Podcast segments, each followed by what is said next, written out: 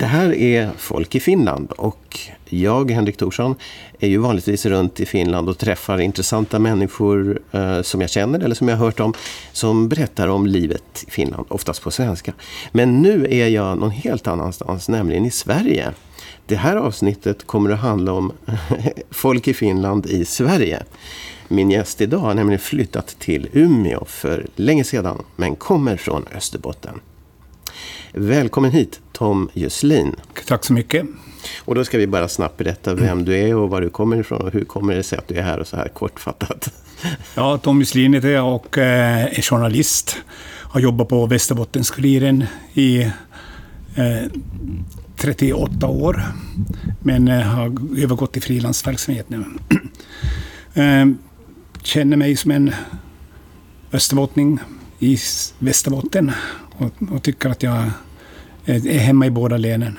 Och det var din karriär som tog dig, redan från början i din karriär så kom du hit, var det inte så väldigt tidigt? Ja, jag visste ganska tidigt att jag ville bli journalist.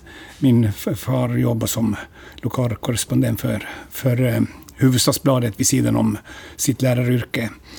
Och jag hängde ofta med på olika uppdrag och tyckte det var spännande. Eh, så under gymnasietiden så jobbade jag på, på eh, Närpes Tidning som sommarvikarie eh, tre somrar. Så när jag gick ut gymnasiet var jag ganska säker på att jag ville bli journalist. Och hade tänkt söka naturligtvis in på social och kommunalhögskolan. Men på den tiden tog man in vartannat år. Och det här råkade just vara ett år då man inte tog in. Så då sökte jag till Journalisthögskolan i Stockholm istället. Och eh, lyckades ta mig in där. Ja, just det. Så du gick ju i Sverige hela den här utbildningen. Journalistutbildning. Ja, och då, var det, då var, det, var det efter det ganska naturligt att, in, att söka sig till Sverige? Var det det det var egentligen? Ja, jag, jag, var ju praktikant på Västerbottens-Kuriren mm. under studietiden.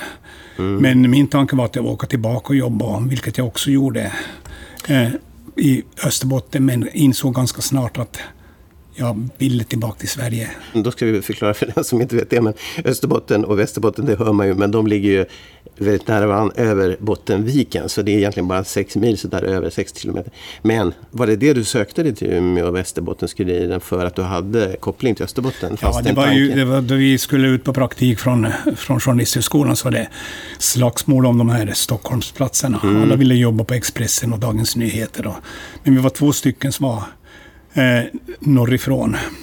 Och det var en kille från Östersund och jag. Och det fanns två praktikplatser, Sundsvalls Tidning och eh, VK. Och eh, då sa jag, men välj du. Och då, då, då valde han Sundsvall, därför att det var närmare Östersund. Och mm. för mig var det närmare Vasa att ta Umeå. Och det här var alltså vilket år som du kom? 79. Och det här är nu 2019 som vi sitter här. Så det är många år du har varit här då, kan vi säga. Ja, men det Med var... avbrott då? Jag var, var tillbaka då en sväng till i Österbotten och jobbade på Radio Österbotten.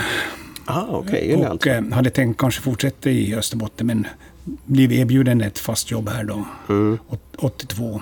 Och, men vi säger någonting bara för att vi har ju ett annat program som vi kallar för Kulturisterna, där vi talar om eh, orter i Finland på svenska, eller vad det nu är. Eh, så berätta bara lite var du kom ifrån i Österbotten, så vi får några orter här. Ja, jag är född egentligen i Vörå, mm. i norr om Vasa, i en by som heter Koik, där mm. min far fick sitt första lärarjobb.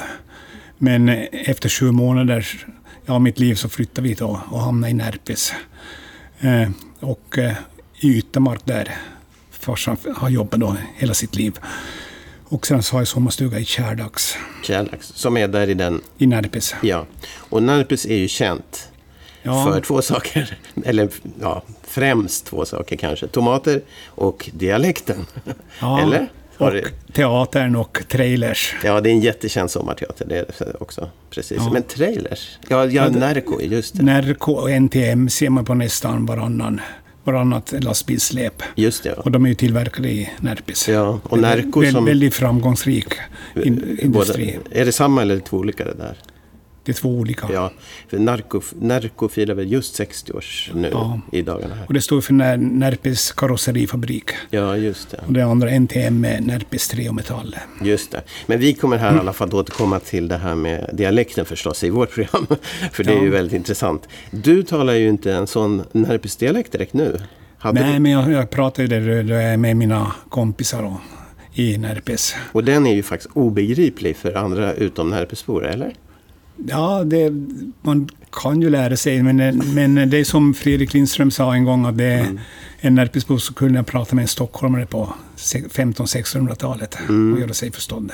Och är det inte också någon så här Islandskoppling? Att man, ja, det är lite samma där fornspråket, att islänningar har också någon likhet. Ja, det, Eller hur? jag har varit på Island och, och jag har använt närpesiska uttryck även där. Med framgång. Ja, absolut. Ja. Ja, eh, jag visste att man, när man går på shopping så heter det gaibodan. Och det ser man på Närpes Ah. Mm, det är dialekt också. Att man går i, går i bodarna. Men, men sen har ni också en, eh, i uttalet en svår... sv- Eller hur? va? Så att det finns också, förutom orden så finns det också i själva dialektens eh, uttal en förvrängning, säger jag, nej, en annorlunda uttal. Ja, eller? det, det är en väldigt speciell dialekt därför att det, vi har ju fortfarande genus Mm. i, i, i, på alla subst- substantiv. Mm. Så att alla, alla saker så är antingen han, hon eller det. Det. Och det är ofta som man hör på folk som försöker lära sig då närpesdialekt eh, att man använder fel kasus. För att det, det, finns, det finns ju ingen facit på det, utan det, det ska man lära sig ord för ord. Så att hon det blommon, han det belin. Och det vet man aldrig förrän man kan det. Alltså. Hedde Peder, nej. Okej, P- ja, vi hade ty, nytta av det i högstadiet, jag läste tyska, för där har man ju också der didas Mm. på alla. Och eh, då brukar jag tänka efter, hur ser vi på närpesdialekt? Mm. Och det var ofta som det överensstämde med att det blir rätt. Vad bra, vad fint. När, när jag ska minnas tyska, då tänker jag på huset där som vi ser härifrån. Och den lärare jag hade, då minns jag. Men du hade det i din dialekt. Ja. jag minns bilderna. Men av mimerskolan här bredvid. I alla fall, ehm, du sa det då när du hade varit i, tillbaka i Österbotten så kände du, äh, Sverige i alla fall. Var det, var det för att du hade fått jobbet eller finns det någonting med Sverige som du gillar? Det var, det var delvis också för att, eh, att jag kände mig obekväm med, med finskan. För att det, som journalist hamnar man ju att intervjua då finskspråkiga ibland. Och jag, jag har ju godkänt betyg från gymnasiet, men jag, jag var aldrig riktigt 100% säker på vad de sa faktiskt. Om, de- om de sa det som jag trodde att de sa. På finska? Ja, och eh, det måste man ju absolut som journalist vara 100% säker på, att man har uppfattat allting rätt. ja, precis. Jag sökte också ett, ett, eh, tidningsjobb. Då eh, ansåg redaktionschefen att jag kunde för dålig finska för att få, få fast jobb. Men det var en svenskspråkig tidning? Ja, det är en svenskspråkig tidning. Media, okej. Och då... eh, Därför brukar jag säga att jag är språk, flykting från Finland. Att det- Men, men vad det, här, det här var den stora anledningen, skulle jag säga. Ja, det, var, det, det, bidrog naturligtvis. För jag, jag insåg ju när jag jobbade här i Sverige att det var, det var ju så mycket enklare att man kunde prata med vem som helst på sitt eget modersmål. Mm. Men det, och det, nu, anknyter jag till andra intervjuer jag har gjort nu då. Journalister eller författare särskilt som i Finland som på svenska som, som uttrycker det här fast de har aldrig tagit steget. Men de, de säger att ah, jag känner att oj, tänk om man kunde få vara någonstans där det är bara mitt språk så här. Och det har du egentligen uppfyllt för din del. Men Ja, naturligtvis kommer jag i, i kontakt med folkslag här också i Umeå som, som inte pratar svenska. Då, men ja, då, då har vi det geme- gemensamt att vi får försöka förstå varandra i alla fall. Ja, men det här att, att om man inte tittar på språket då, mentaliteten och kulturen. Och, nu hade du redan gått eh, en högskoleutbildning i Sverige visserligen, du hade ju vant in dig. Men fanns det några utmaningar i att flytta hit ändå med din bakgrund från Finland? Och, Egentligen inte mentaliteten mellan eh, Österbotten och Västerbotten är ju väldigt likadan. Jag har ju åkt väl, runt väldigt mycket i, i länet och eh, jag har ju fördel att kunna då närpesdialekt för att då, oberoende av vad, vad folk pratar för bondska eller dialekter så, så har ju jag en, en ännu värre som jag kan. Så jag förstår, jag förstår i stort sett alla västerbottniska dialekter. mm, det finns något gemensamt eh, ursprung i bonddialekterna. Ja, så och jag, säga. jag, jag, jag, ibland använder mig av dialekt också ute med folk. Även här? Ja, jag var och intervjuade en, en jägare uppe i Dorotea en gång. Aha. Som pratade så väldigt eh, utpräglat mål. Eh, och då svängde jag över och började prata dialekt. Och eh, de reagerade ingenting på det, men fotografen som jag hade med så, så blev jättechockad. Va? Kan du Dorotea-mål? Nej, sa jag, det här är universalbondska.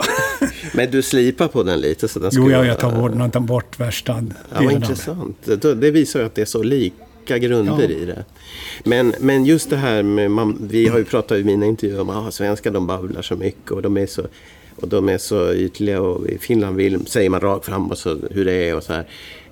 De, de fördomarna om skillnaden Sverige och Finland, har, har du... Ja, jag har ju märkt av det ibland och så där också. Så att mm. det, det har jag sagt ifrån på, på jobbet kanske eller så. Och, och eh, jag får oj, du var då väldigt rakt på sak. och det, det, det, tycker jag, det är en styrka att kunna ha, ha det också, att man inte behöver vara alltför svensk i det avseendet.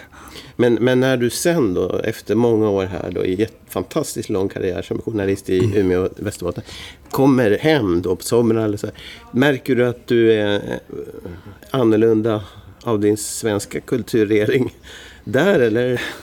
Ja, inte så att jag på något vis sticker, sticker ut utan det, det, det, man har ju mer erfarenhet naturligtvis när man har varit utomlands och mm. sådär, än de som har vistas hela tiden då i Närpes.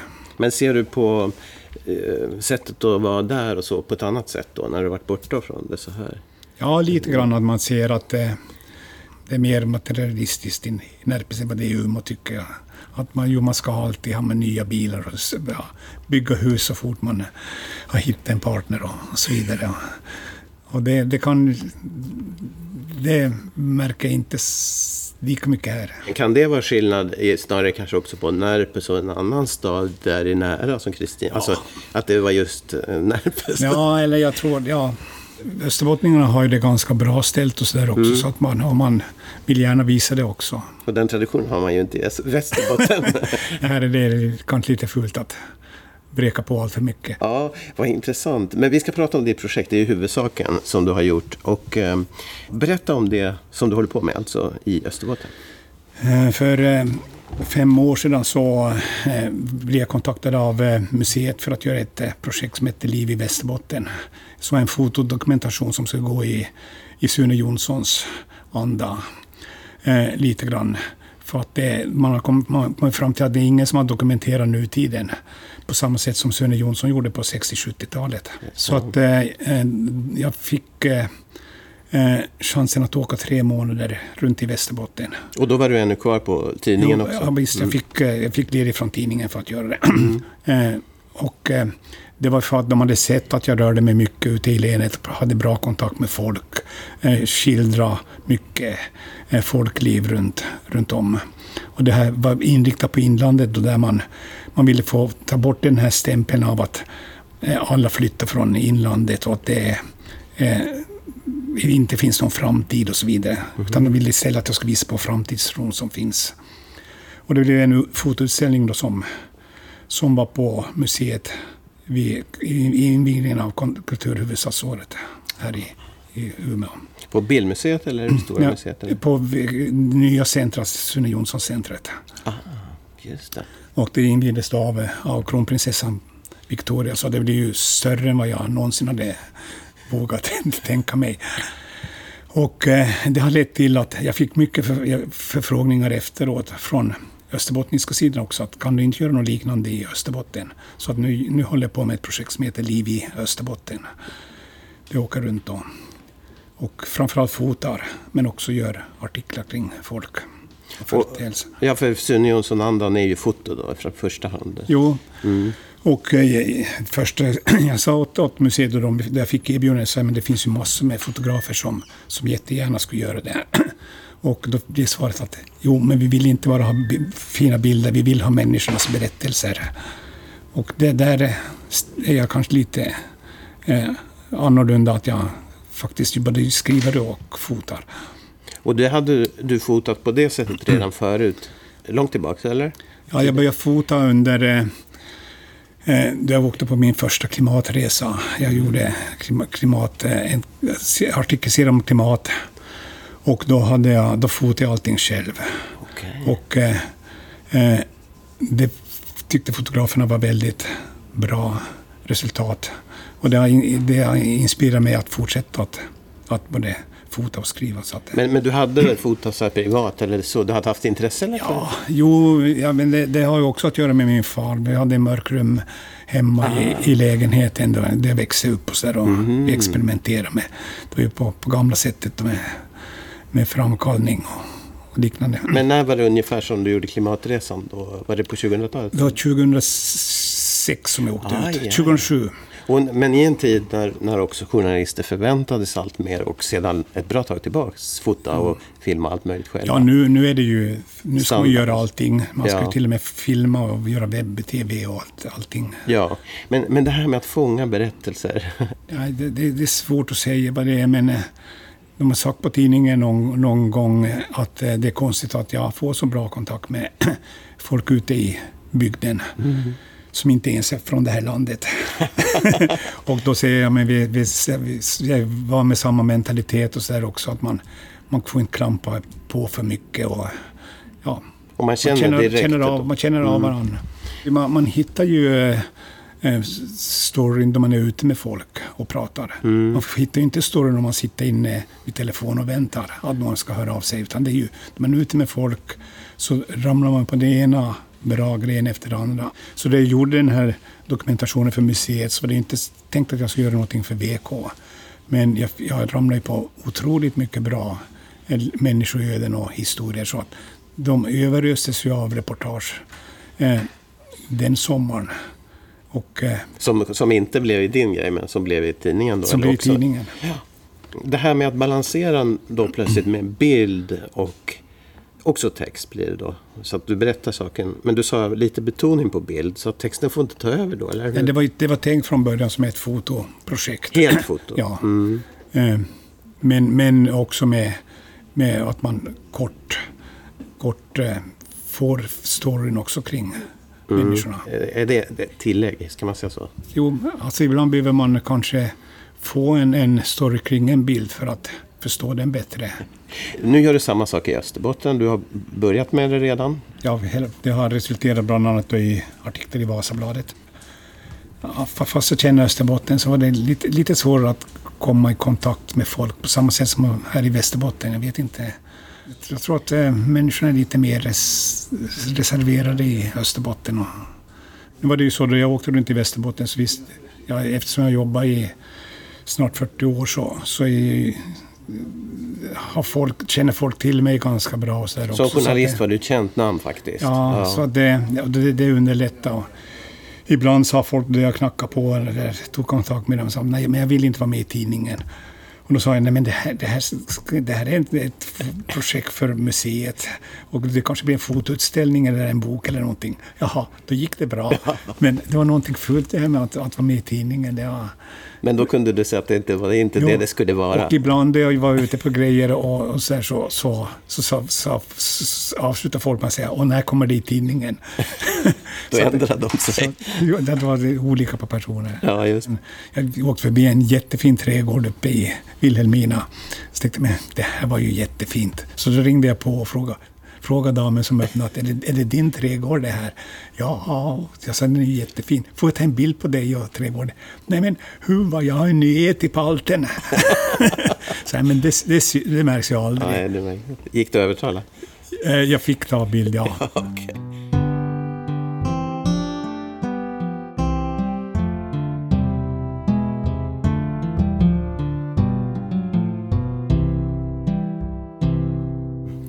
När det gäller de här bilderna då som du tar, vad är det du letar efter där?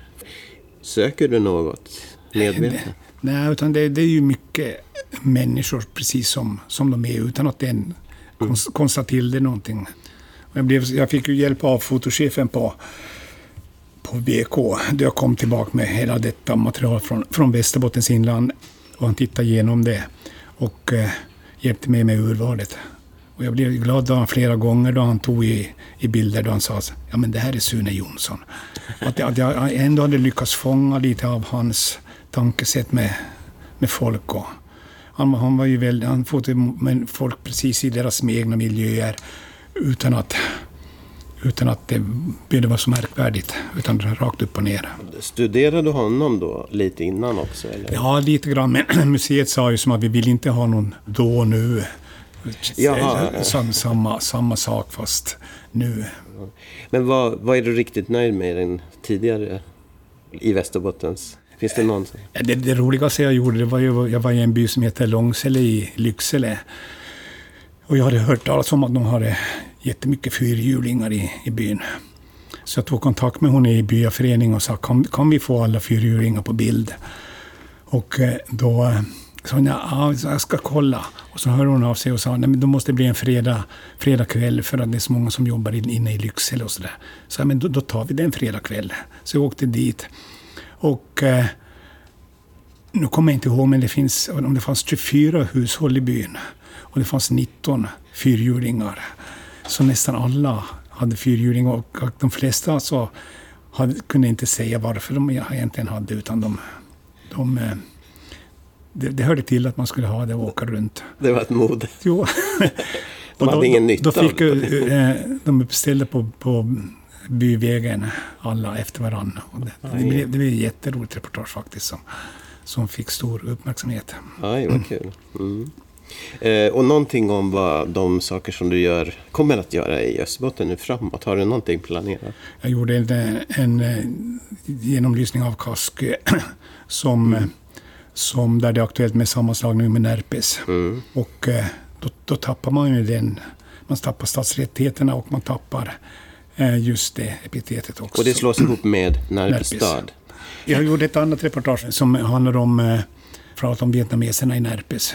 Där det finns eh, 6 till 700 vietnameser som jobbar i växthusen. Och det, det började med att det kom eh, båtflyktingar från, från eh, Hongkong 88. Närpes var en av de första orter som tog emot faktiskt flyktingar i Finland. Och eh, dessa vietnameser har etablerat sig. Nu kommer alla deras släktingar för att jobba i växthus. Och de tycker det är behaglig miljö, klimat att gå i växthus. Och det är inga Närpesbor som egentligen vill jobba i växthus, utan det, det är mest utländska. Språkförhållandena förändras också, så att i Närpes är det 80 procent som pratar svenska, 15 procent som pratar främmande språk och 5 procent som pratar finska. Och då gjorde jag en genomskinning av, av alla österbottniska kommuner och det är ju det är otroligt fortfarande stor svensk, eh, svensk eh, dominans i hela svenska Österbotten. Det är Vasa, Jakobstad och Kaskö som, som har lite andra siffror. Men annars ligger det kring 80 procent. Mm. Ja, ja. Och det, det, det har man svårt kanske här i Sverige att förstå att det är så pass svenskt som det är. Mm. Man vet att, att Åland är svenskt, men att det även Österbotten är. Ja, Åland, ja precis. Ja. Men, men du som finländare, svensktalande finländare i Sverige, hur blir, har du blivit bemött genom åren? Med förståelse eller? Ja, jo då, jag är... Eh, det, är klart, folk, folk hör ju att jag, jag pratar annorlunda svenska. Och jag har, jag har valt själv att inte försöka mig på att övergå till, till rikssvenska eller så. Och eh, den vanligaste frågan är att ja, hur långt norrifrån kommer du? För då så säger jag, "Men jag kommer, jag kommer österifrån, från Finland. Jaha, Ja, det, det hörs att du bryter på finska lite grann. och säger men jag bryter inte på finska. Och det får man förklara gång på gång. Det, det har man gjort i 40 år. Förklarat. Jag, jag bryter inte på finska. Folk har väldigt, väldigt svårt att, att, att an, tro, förstå det här att det är så finlandssvenskt i Österbotten. Blir du otålig ibland? Ja, men jag fick nu, bara i förra veckan så fick jag en fråga av en, av en svensk bekant här om, som hade sett det med ett, mitt projekt i Österbotten. Då. Att jag skriver för Vasabladet och så sa jag, hur går det att skriva på finska? Så, men Vasabladet är ju helt svenskspråkig tidning. Ja, ja, just ja. så det, man får tjata. Jo, nu har ju äntligen färjetrafiken kommit igång bra med, och framförallt att svenskar börjar åka till Finland. Mera? Mer, mycket mer av det. Från, från, till, till, Vas, Ja. till Vasa då. Mm. Eh, för det har varit 80 procent av trafiken har varit från Vasa till, till eh, Umeå Mm. då det gäller passagerare. Men nu, nu har det börjat jämna ut sig och det, det, det kommer en ny generation som inte kan relatera tillbaka till det här taxfree-tiden. Mm. Då man kunde åka billigt och, och så vidare. Utan... För det är alltså inte taxfree på den här båten ska nej, vi säga. Nej. Eftersom ni inte stannar i Polen. det vore en omväg. ja, och eh, det är en ny generation som växer upp nu som har barn då, som aldrig har åkt båt förr och så här, som tycker att det är spännande. Och så där, så att det, det, och så har man upptäckt det här nöjesfältet som heter Power Park som ligger i, i, i, i norr om Vasa. Mm, en bit in i landet, ja, Alajärvi. Alajärvi. Mm. Så nu är det ju eh, Vasa stad och Umeå kommun som äger mm. båten och rederiet. Mm. Och det gör att all vinst som kommer in så, så man får inte ut någon vinst utan det omsätts i trafiken. Finland, Sverige, för dig, skulle du i framtiden flytta tillbaka dit? Eller hur tänker du på det? Jag har ju ett ben på vardera sidan nu mm. och jag har sommarstuga i Kärr också. och eh, jag kan vara där, jag kan vara här. Jag, vill, jag, jag tror inte jag skulle vilja flytta tillbaka till Österbotten. Nej. Eh. Men svensk, finsk eller mittemellan? Ja, mitt, mittemellan. Bra. Det är fint. Men, och så, så känner jag att jag pratar ju... Eh, jag är lite schizofren när det gäller språket också. För jag kan ju prata Helsingfors finlandssvenskan också, som jag kan prata ibland med folk. Och så har jag ju mer en sån här utsletad österbottnisk mm. finlandssvenska. Sen kan jag prata faktiskt en del västerbottniska också om det behövs. Och så har jag närpisdialekten då så att det... Jag känner att jag ändå kappar lite efter vinden Precis. ibland. Ja. Under uppväxttiden så pratade vi alltid högsvenska hemma mm. eftersom båda föräldrarna var från andra ställen. Då, så, så, att vi, så därför var jag ganska, ganska van med, med att prata finlandssvenska. Men, och din far var ju lärare dessutom? Ja. Och var din mor också det? Eller? Nej. Men, men en lärare fick väl inte prata dialekt nej? Nej, och vi, vi fick ju inte prata dialekt i skolan. Inte ens i gymnasiet. Ah, för att ni var lärarbarn? Eller nej, för att, vi har, för att man inte pratade dialekt i skolan. Alltså på rasterna pratade vi ju dialekt med varandra, men på lektionerna så ah, ja. var det högsvenska som gällde. Jättespännande att prata med dig Tom. Det skulle vara skojigt att återkomma när ditt projekt är över. Och lycka till! Tack så mycket.